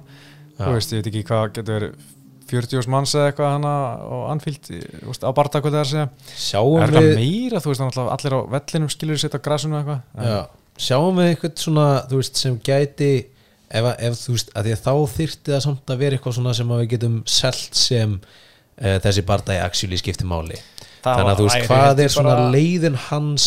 Þú veist, það eru alltaf einhverjir gæjar sem að, þú veist þú gætir svona, já, heyrðu þessi gæji er samt í top 15 en við vitum að hann er að fara að tapa eða, veist, Já, er einhver, þú veist, er einhver leið fyrir hann til að vinna kannski top 15 gæja og þá fáum við svona top 5 gæja á Anfield skiluru og það væri bara rosa stemning þegar hann lappar inn og svo er hann bara að fara að skítapa já, sko Dan Hooker.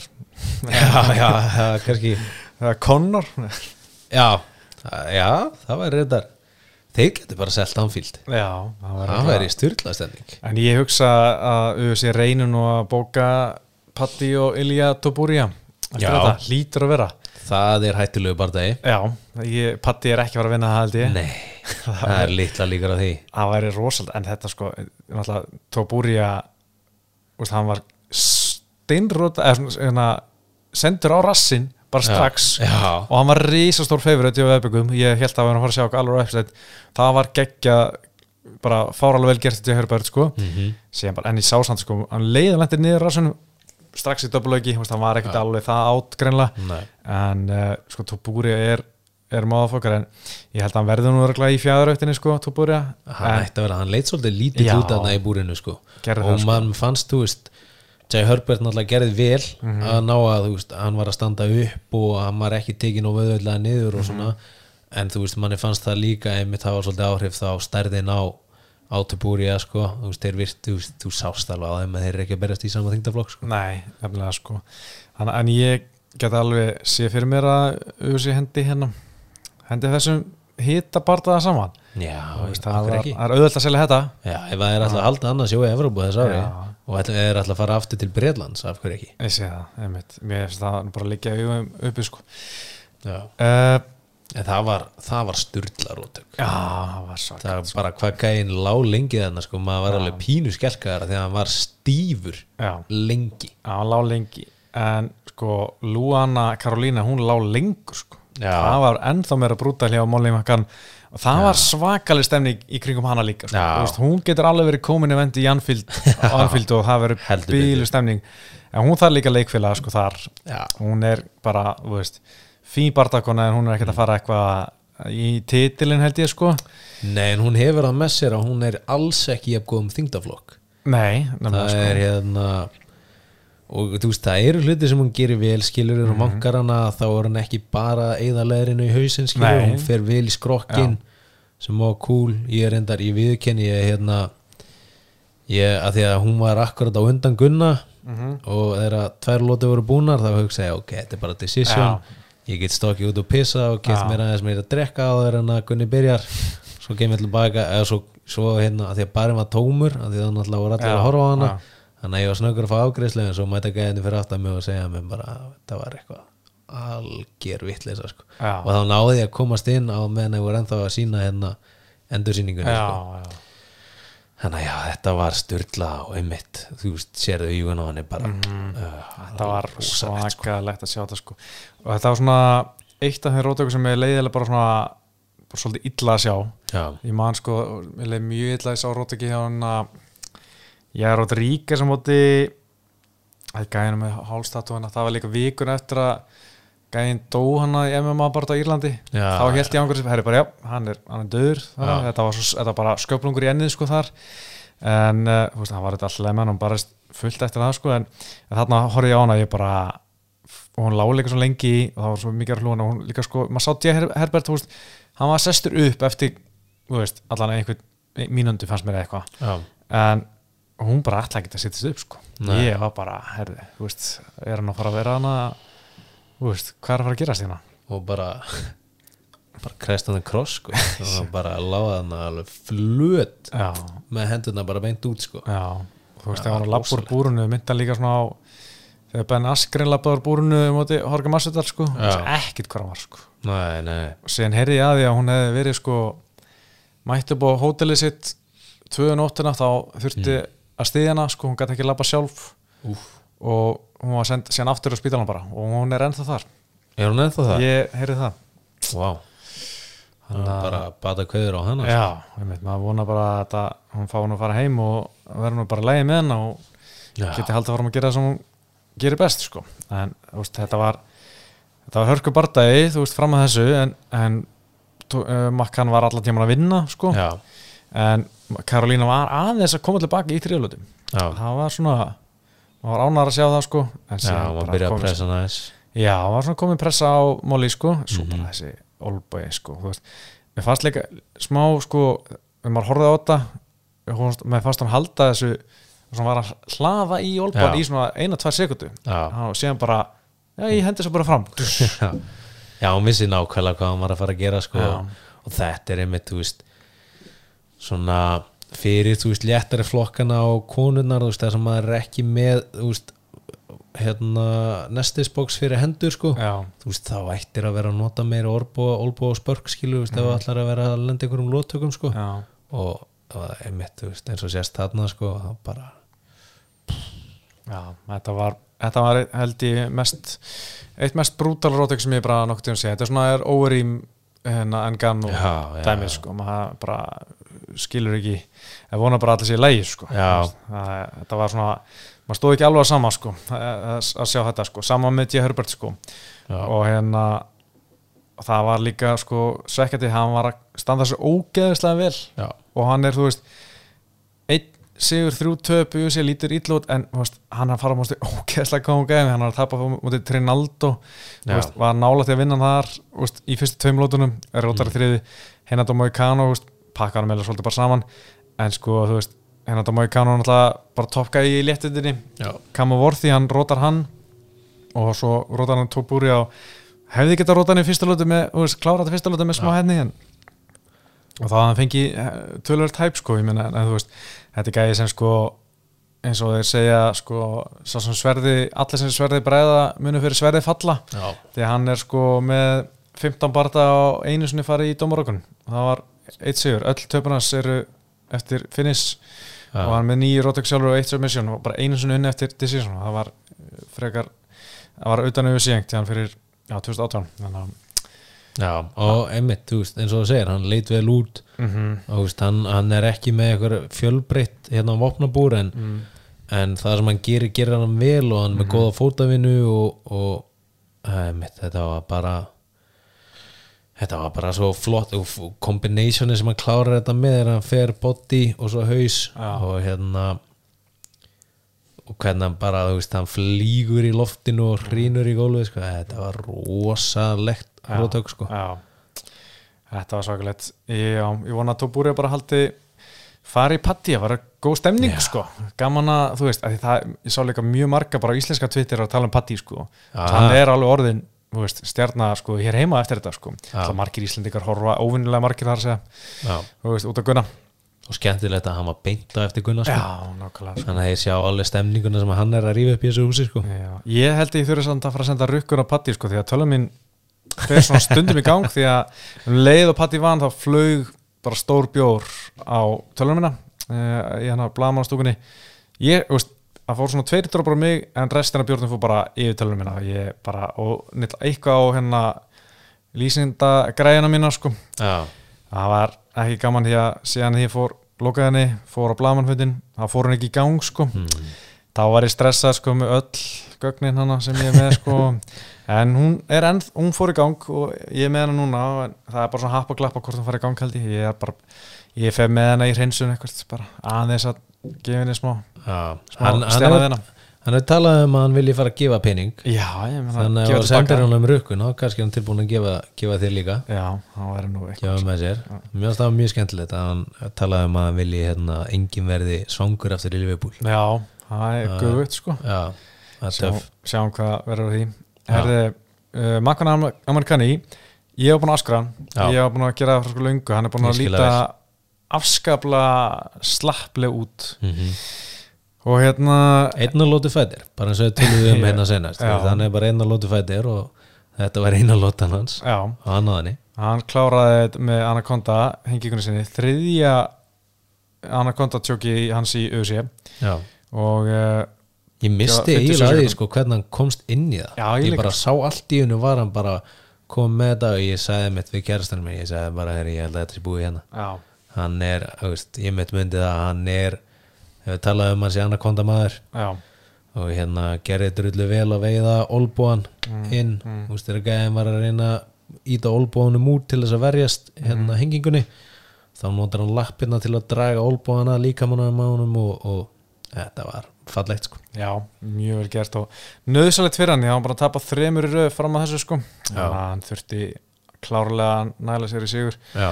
uh, en við lærum ekkert nýtt um hann Nei, heldur betur ekki. ekkert, eh, við getum ekkert sagt að hann sé orðinn betri núna. Nei, þetta var bara, þetta var sjensin sem við vissum að hann gætt já, er hann, er hann tvekja lúti fæti núna? Já einmitt, þú, hver veit sko. Mm. uh, Hann er að fara að vera pappi hann, uh, hann uh, kannski ætlar víst að vera eitthvað meira á Írlandi nei, hérna Finnlandi, hann æði bara alla, allt kampið heima í Finnlandi. Já, Ég held að hann sé búin að búa til sitt svona eigi, sé búin að opna eigin klúb sko. Já, og er bara að fá þjálfar til sín og æfingafélag til sín sko. Hann er búin að vera náttúrulega SPG með John Kavanagh. Mm. og, og það það er ekkert ítlið þar sko. Hann ætlaði að koma til John en svo bara allir kom hann ekki og hérna var bara heima.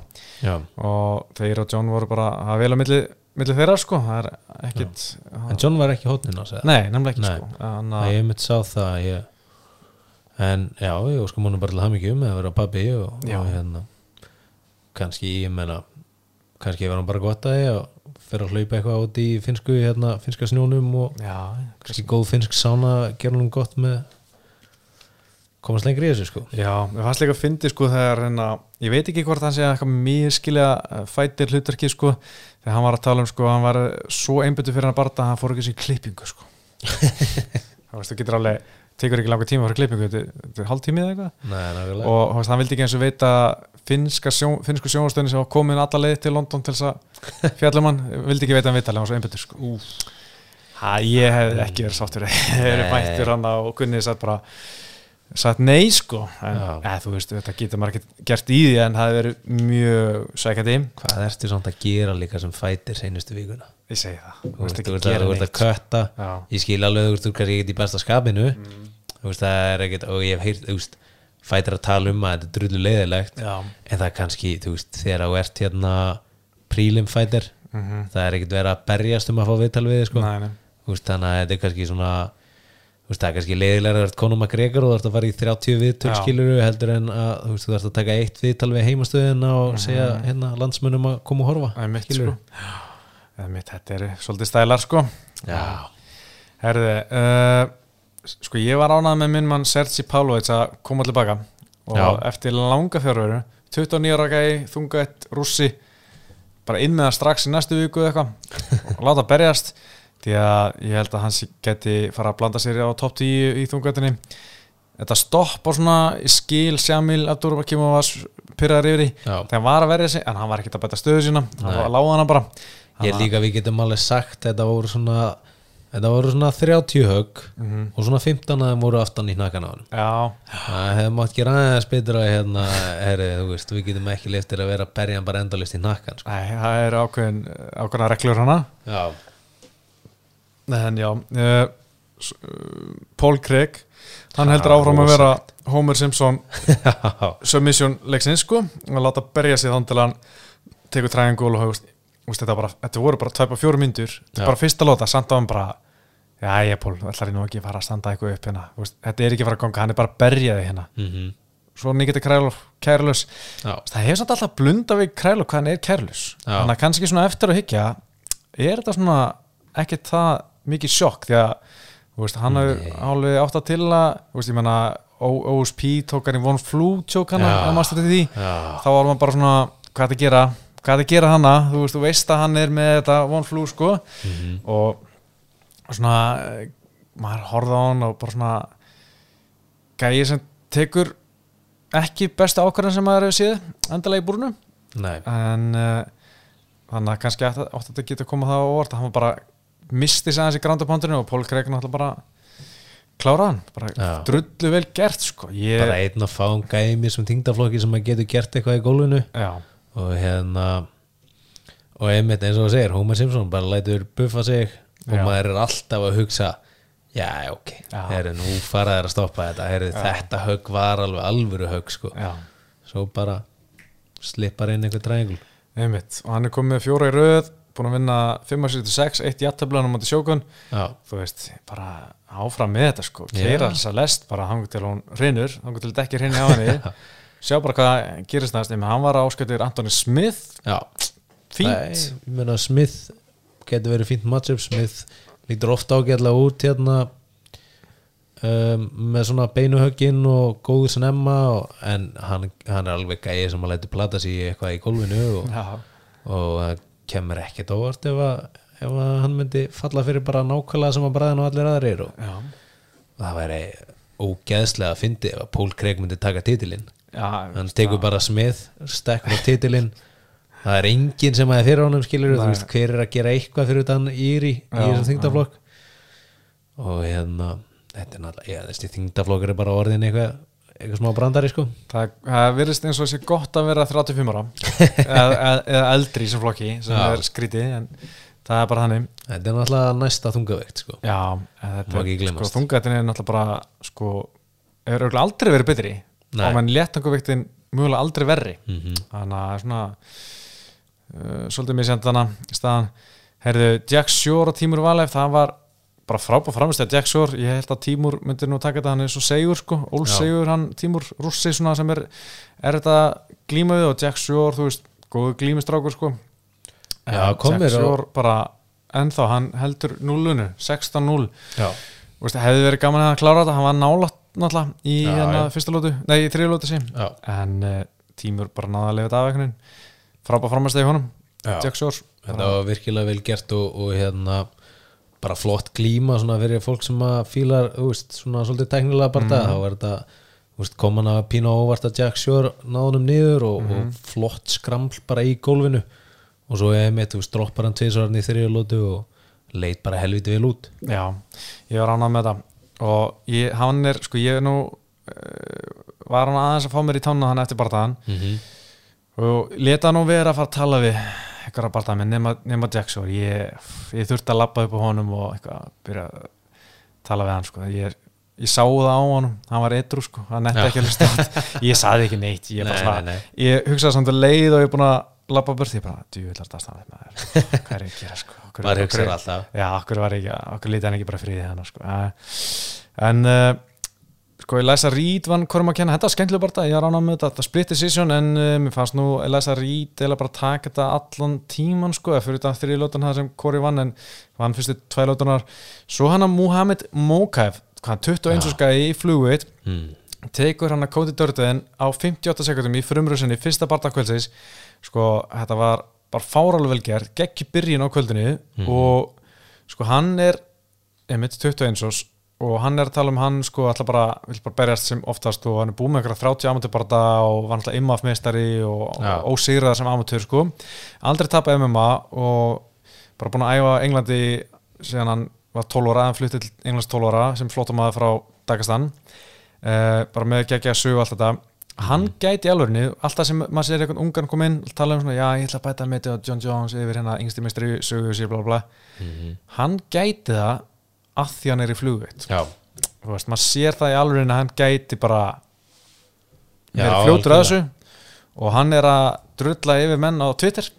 Þannig að þá Sem er er fljótari að fá stærri já, hann velur sér bara þar og þú veist, hann er 6-0 bara inn með hann aftur í næsta mánuði. Mhm. leiðum honum, leiðum bara að sjá hvað gerist. Þá Erum við- getur hann. stoppar erum við að tala um fyrsta diesel squeezulið í UFC eða það, var þetta ekki bara hérna, ég held að hann skiptir sko þegar hann fer yfir í side controli Já. þá skiptir hann held yfir í diesel squeezul já, og þetta er ég, ef þetta er fyrst að ég er mjög peppaður í það. Já, ok. Ég held að það hefði bara verið svona eitthvað gilutín með svona modified gilutín eitthvað. Ég man nú ekki alveg hvernig þetta var en, en já, Nei, þetta var, en þetta var gullfalleg framist að fljúandi hnið já, nær honum svo þegar hann ætlar að skjóta inn á hann þannig er hann einmitt gilotinnu Mhm. og nær síðan að breyta því þannig að hann nær hvort sem þetta var diesel eða ekki eða, power gilotinnu eða eitthvað. Þannig þá hérna já, er þetta gullfalleg framist og já, við erum bara peppaði fyrir honum. Já, ég vil bara sjá hann aftur sem fyrst. Já, algjörlega. Hann var ekki að gera sko. Herði, svekkiti að fengu allir framistu bónus sem kláraði bara sinn. Þannig að Gunni á svona á pínusektur, hann skildi ekki að náða að klára þetta því að hann var að reyna við þetta. Já, og var ekki að tala um að hann hefði ekki sett að fara í arbar en hann í lógin og eitthvað að reyna bara reyna Já. að gera aðeins meira svona, ég veit ekki, taka fleiri sensa ég veit ekki, en, en alltaf það er fyrir hann já. Að það er alltaf að vera vittur eftir sko. Já, og þetta er einmitt, þú veist Já, þú veist kannski þegar það er einu mínúti eftir eða eitthvað, þú veist, þá er þú veist, eða jafnvel minna, þú veist, það hann var aldrei einn einni hættu þú Nei. veist, þannig að kannski hefði hann geta gert eitthvað aðeins meira til að reyna að klára þetta í lógin en svo bara eins og ég segjum, þú veist, þetta er þú veist, þetta var bara svona mjög nöðsileg framist að komast back to form og hérna þú veist, bara algjörlega endilega gera það Já, ég, svo heldum áfram að tala um Gunni, ég ætla hann ekki að gera það aftur en, en sko, ég man þegar að tapa fyrir Gilby Burns, þá fór hann beint í vital já, Henry Birgi Paxis og, og ég man ég sá upptökuða svo og Henry Samara sko líka eftir á að hérna, Henry sagði eitthvað, já, fyrsta sinna ferðlega sem hann tapað tveimur röð og hann sá bara svona hann, hann var brjálæður það var Já. fatta, hann var svona fucking hell, sko, það var svona Æ, menn oft tala um bara svona eins og að gunna sér saman tapar og eitthvað svona sé ekkit í þessu, að svona menn halda oft að sé ekki í þessu fullum krafti eða eitthvað. Mm en maður sá þarna bara svona hann var brjálæður Já. að, að tapa og ég held að hann hafi bara verið drullu ánæður að ná sér Já, og kannski ekki vilja taka óþara sensa nei. eftir að hafa tapað tveimur röð í fyrsta sinu ferlinum og Já. einmitt verið lengi frá og, og einmitt komið með sigurinn og getur hort fram á veginn Já, og þetta var kannski einmitt, þú veist, þetta var ekki rétti tíminn til að vera að taka sensa. Já, þú veist, núna er bara núna er tíminn til að þú veist, næsti bardagi getur verið bardagin sem hann kannski tegur einhverja sensa ef hann er búinn að stjórna þess allan tíman Já. eða þú veist, það er bara maður læri mest í búrinu. Maður, maður læri mest þegar maður er að keppa og, og það er bara gott að fá hann aftur inn og einmitt, þrý bardagar að þess ári. Já, bara fá hann halda áfram að bæta sig og hérna og bara vonandi einmitt, þú veist, ef hann kemur inn með einhverja drullu flotta framistuðu næst mhm, fáum fólk aftur á vagnin fáum smá eldneiti á á þessara hérna lest og, Já. og komum honum í top 15, top 10 heldur betur. Herri, uh, rétt í lokin uh, sko uh, það er Norrlandamót í bóksi núna um helgina. Það er hérna Íslandi. Fyrsta segin sem það eru að halda á Íslandi held ég alveg örugla sko átti að vera í fyrra eða hitti fyrra ég nú er ekki alveg með allt á hreinu en COVID uh, svona komið við, við fyrir þetta. Já. Er það í Kaplakríka eða? nei, þetta er í hérna, Reykjanesbæ. Já, ok, ekki já, þannig að það, þetta verður á held ég bara allan á lögudagsundag hvort það sé undan úrslit á 50 degi, föstu degi, manna ekki. En allan á lögudagsundag, úrslitin er á sundag og það er einhverjir nokkur íslendingar að keppa 60 kepputur, allt í allt veist, þannig að ég- er bara að bulla, ég manna ekki. Kolli var að segja frá þessu áðan, ég man ekki alla staðrendunar sko. ég er bara strax múin að gleyma þessu en það er allan Norrlanda mótum helgina. Já, ekki já. láta eitthvað vanta á það. Nei, uh, Það er stemning. já, það er talandi um bóksið. Haffi? Haffi vann, já, Haffi vann um sinn barða uh, ég hóra nú ekki á nei. Ég veit ekki hversu margir að horfa á sem, en það voru margir að spyrja um stream að það var íslenskir MMA fans. Já. það er eitthvað, Það er eitthvað, ég- já, einmitt, maður veit ekki hversu margir keftu bardaðan en það voru einhverjar að ég horfa held að þetta veri frítt sko. Já, það, Já, já, já, já, Ég, heiti, ég er líka heyrt að og getur horta á þetta á YouTube ef að fólk vill, já, vill næla sér í þetta en þetta var vist ekkit eitthvað mikil tíðindi í þessum bardaða nei, ég held náttúrulega sko ég veit ekki, það er náttúrulega eru ekki fréttir að þessi barða ekki verið skemmtilegur því að það er yfirleitt þannig þegar það er einhver tveir sem eru ekki bóksarar fara að keppi bóksi það er ekkert gaman Þú veist, það er ástæða fyrir að menn að skemmtilegustu barðanir eru þegar eru gæjar sem eru búin að gera þetta mjög lengi Já. það er yfirleitt þannig já, já, og, og þú veist þungaviktin eru gæjar sem að hætta að funkar eftir tvær lótur skilur Já. þetta er super þungavikt já, já. þannig að hérna, en um, ég sá eitt myndband af honum droppa Eddie Hall. það. það var fallið það beinvinstri sko. lukkaði mjög vel já. Hann, hérna, og maður verið að gefa honum það maður hefur aðeins fylgst með hvað hann er búin að vera að gera núna til að undirbúa sig Mm. hann, manni sýnist hann allavega að vera að gera alla réttu hlutina já, veist, einmitt, sko. það að Eddie Hall virtist ekki vera að gera neitt af réttu nei, hlutunum nei, hann virtist ekki verið að gera mikið hann það er ávart, sjá bara hvað hann ætlar að gera meira. Ætlar hann að taka fleiri hvað, já, hvað nú er koma planið? sér niður í 150 kíló já, að- hann er bara orðin eins og eitthvað flýs sko. það, ég veit ekki hvað heldur hann áfram að lifta eftir það til að fara aftur upp í hvað 180-200 kíló ég veit ekki hvað, hvað gera menn eftir svona. Allavega það sé ekki gott fyrir hjarta að- að vera að stökku upp um 50 kíló sko, upp og niður um 50 kíló þannig að hérna, vonandi bara held líka hann þokkalega heilbriður 150 kíló. Þú veist að vera köttaður og 150 kíló. Það er náttúrulega, veist, það er til flottur sko. Já, já, já, veist, bara er hann, hann er búin að ég sá hérna líka einhverju Hollywoodmynd með Mike Tyson. Já, ok. Og hérna bæti bara enskuna meira og, og heldur áfram að, með Hollywood fyrirlin já, raka inn uh, dólarunum já, það er peningurinn. Já, það er greinlega gott ára stór. Já, já, það er ekki vera og sterkur það það selur. Já, það selur, það Það er fólk selur. vil sjá stóra kalla. Já. og hérna já, við sjáum hvað gerist þar en uh, eitthvað í lókin, erum við að gleyma einhverju? Erum við allir að henda fram hérna uh, Jorge Massadal, Kolby Kondon var að slást. Sko Kolby Kondon og Jorge náttúrulega, þeir hittist á einhverju eða þú veist, fyrir tilvíðun, sko mér skilst nú að einhver að senda á Jorge eða Kolby var að þessu veitingast og hann mætti bara á og sló hann. Einhvern veginn hef ég ekki séð vídeo af áflöðun menn þá en, en, Nei. en á vídeoðan er uh, Kolby að spyrja hvernig vissi hann hvað ég var? Hver sað honum? Já, eitthvað, og, hérna, og þetta er sko eitthvað því að hafa, á að hafa sagt eitthvað um börnina sorgi og Horgi vill ekki sleppa því en Horgi Ah. hafði 25 mínútur til að kýla hann. Já, gerði það ekki nógu, vel eða nógu mikið þegar þeir mættust. Þannig að þetta er nú pínur lúalegt að taka þetta svona persónulega eða þú veist taka þetta þennan þennan stað þegar þú fjækst 25 mínútur til þess að hefna þín já, þetta er lélegt. Já, ég meina, ég sá nú ég man nú ekki eftir að Horgi hafi farið eitthvað mikið að tala um börnunas nei, Kolbi hafi farið mikið að tala um börnunas Kolbi sko, Nei. Horgi Kolbi að tala um börnunas, Horgi ætlaði að Já. en hérna nema eitthvað, hann var í deadbeat dad, eða svona, þú veist, ekki góðu faðir, þú veist, það er náttúrulega ekki að segja neitt um börnið þín sko. Nei, það er að segja hvað um þig. Já, en já, það er ef hann gerir það þá skilur maður alveg að vera pyrraður sko. Já, já, en svo hefur maður einmitt heyrt þetta og ég held að Michael Bisping var að tala um það að Jorge hefur leitað hann líka alltaf uppi að því að þeir voru með eitthvað bíf Já, hérna, hann eldan uppi alltaf og reynda að finna hvað sem hann var sko. hann er eitthvað svona intense karakter sko. Já, hann er alveg for real eins og það segja sko. Já, Ég held hann- að sé alveg hægt að segja það Já. three piece on the soda sko. hann, Jú, jú, hann er ekki að sleppa mönnum sko. Nei, það er alveg rétt sko En mér veist þetta svolítið gott að kolbi sann sko, þú veist, þú getur ekki sagt bara hvað sem er og ætlast til þess að komast upp með það þegar þú ert að er gera sko. við svona gæja sko Þú veist, hann er að, hann fer 100% í þetta hlutverk sitt Mhm. þá verður hann bara að taka aflefingunum þegar einhver er ekki sattu við það það, er, það er algjörlega þannig sko.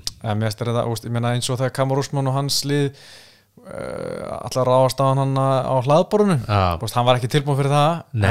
en veist, þú verður að vera tilbúin í svona eða þú ert þessi karakter einhver, einhver maka karakter sem drullar yfir allt og alla og, og hérna þú veist ekkert bara á sandalunum í einhverjum kvartbuxum að fá þér hérna salat og, og kjúklingabeinir á, á diskiðinni á einhverju hlaðbari? Nei, þetta er full time job Þetta að er vera, vera fáti en hérna, annað líka með sko Kolbi að fyndi, ég sá eitthvað tala um þetta Twitter, þú veist, Kyle Sonnen og þú veist uh, já, allan Kyle Sonnen og fullt gæ- gæjum hafa sko drulla talsveit betur og meira yfir mm. anstakka sinna en Kyle Sonnen lendi aldrei neina svona nema kannski að vandarlega Silva hennar í tuf. Já, já, en það var, þú veist, fullt af fólki þar til að stoppa þetta skilur þú veist, einhvern veginn er Kolbi að lenda í meiri áflóðum heldur en Sónan samt er Kolbi ekki eins sniður og Nei. Sónan ég held að það sé líka málið sko, þú veist, Chael var var fyndin já, þú veist, þú, þú getur komist upp með meira ef þú ert fyndin, þetta er eins og Connor þegar Connor kom fyrst inn, Já. þá var hann fyndin